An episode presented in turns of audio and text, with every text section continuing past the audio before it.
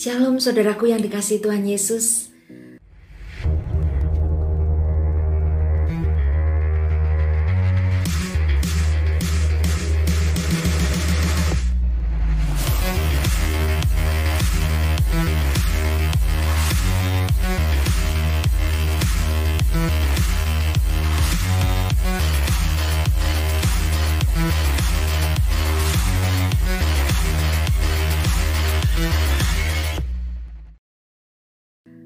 Perjalanan hidup kita sejak kita lahir sampai kita dipanggil pulang, Bapa di surga, pastilah kita mengalami perjalanan hidup yang harus kita tempuh, baik suka maupun duka. Perjalanan hidup kita bila menyenangkan, kita bisa meresponinya dengan sukacita.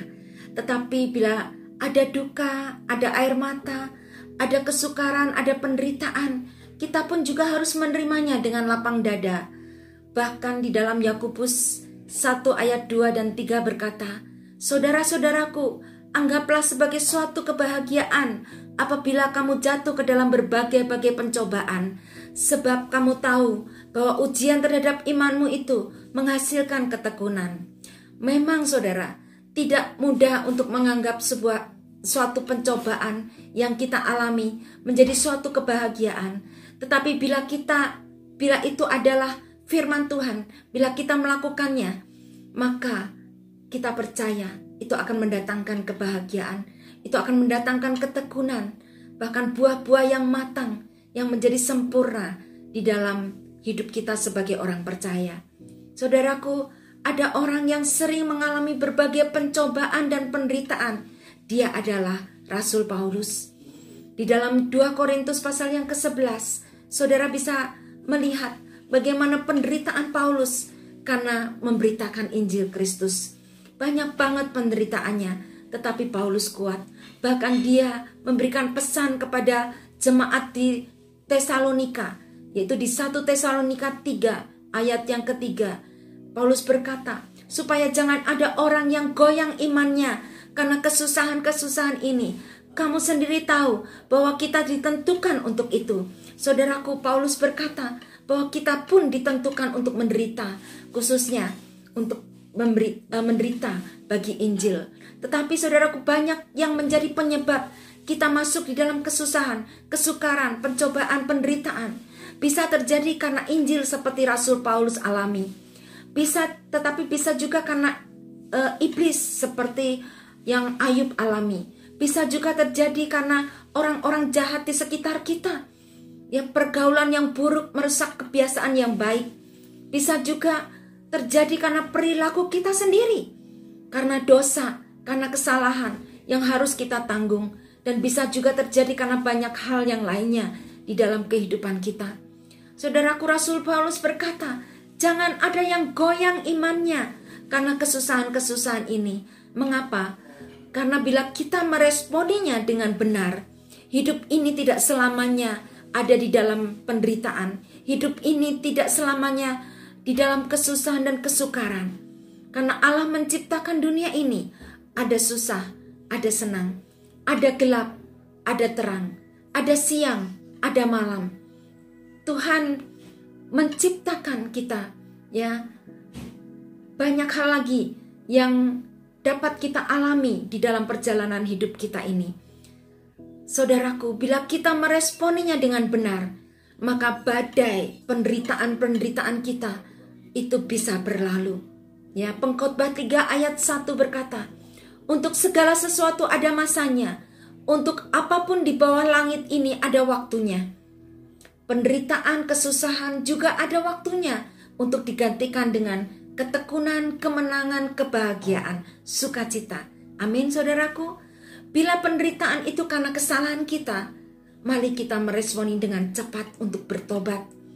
Karena kita percaya bahwa Tuhan akan pulihkan keadaan kita ketika kita bertobat.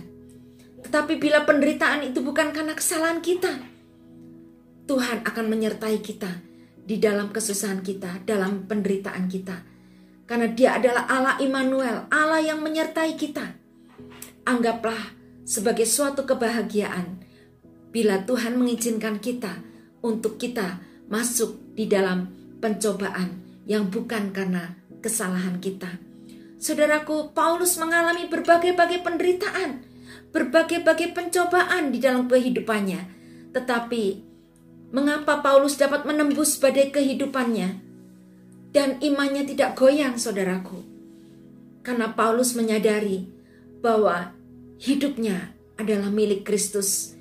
Hidupnya telah ditebus oleh darah Yesus. Galatia 2 ayat 20 berkata, Namun aku hidup, tetapi bukan lagi aku sendiri yang hidup, melainkan Kristus yang hidup di dalam aku. Dan hidupku yang ku hidupi sekarang ini di dalam daging adalah hidup oleh iman dalam anak Allah yang telah mengasihi aku dan menyerahkan dirinya untuk aku. Saudaraku, Paulus kuat ya menghadapi badai kehidupannya karena dia menyadari bahwa hidupnya adalah milik Kristus. Saudaraku, yang kedua, Paulus kuat karena dia mengerti tujuan hidupnya. Tujuan hidupnya jelas, yaitu hidup bagi Kristus dan bekerja memberikan buah. Filipi 1 ayat 21 22 berkata, "Karena bagiku hidup adalah Kristus dan mati adalah keuntungan. Tetapi jika aku harus hidup di dunia ini, itu berarti bagiku bekerja memberi buah. Jadi yang mana harus kupilih? Aku tidak tahu. Saudaraku, Paulus mengerti bahwa hidupnya adalah bagi Kristus dan memberikan buah. Saudaraku, dalam perjalanan hidup kita, kita akan bertemu dengan badai kehidupan yang akan menguji iman kita. Badai itu akan datang tiba-tiba tanpa tanpa kita jadwalkan, tanpa kita kehendaki. Tetapi saudara, bagaimana kita menyikapinya? Bagaimana kita meresponinya? Supaya iman kita tidak goyang, supaya iman kita tetap kuat. Yang pertama sadari bahwa hidup kita ini adalah milik Kristus.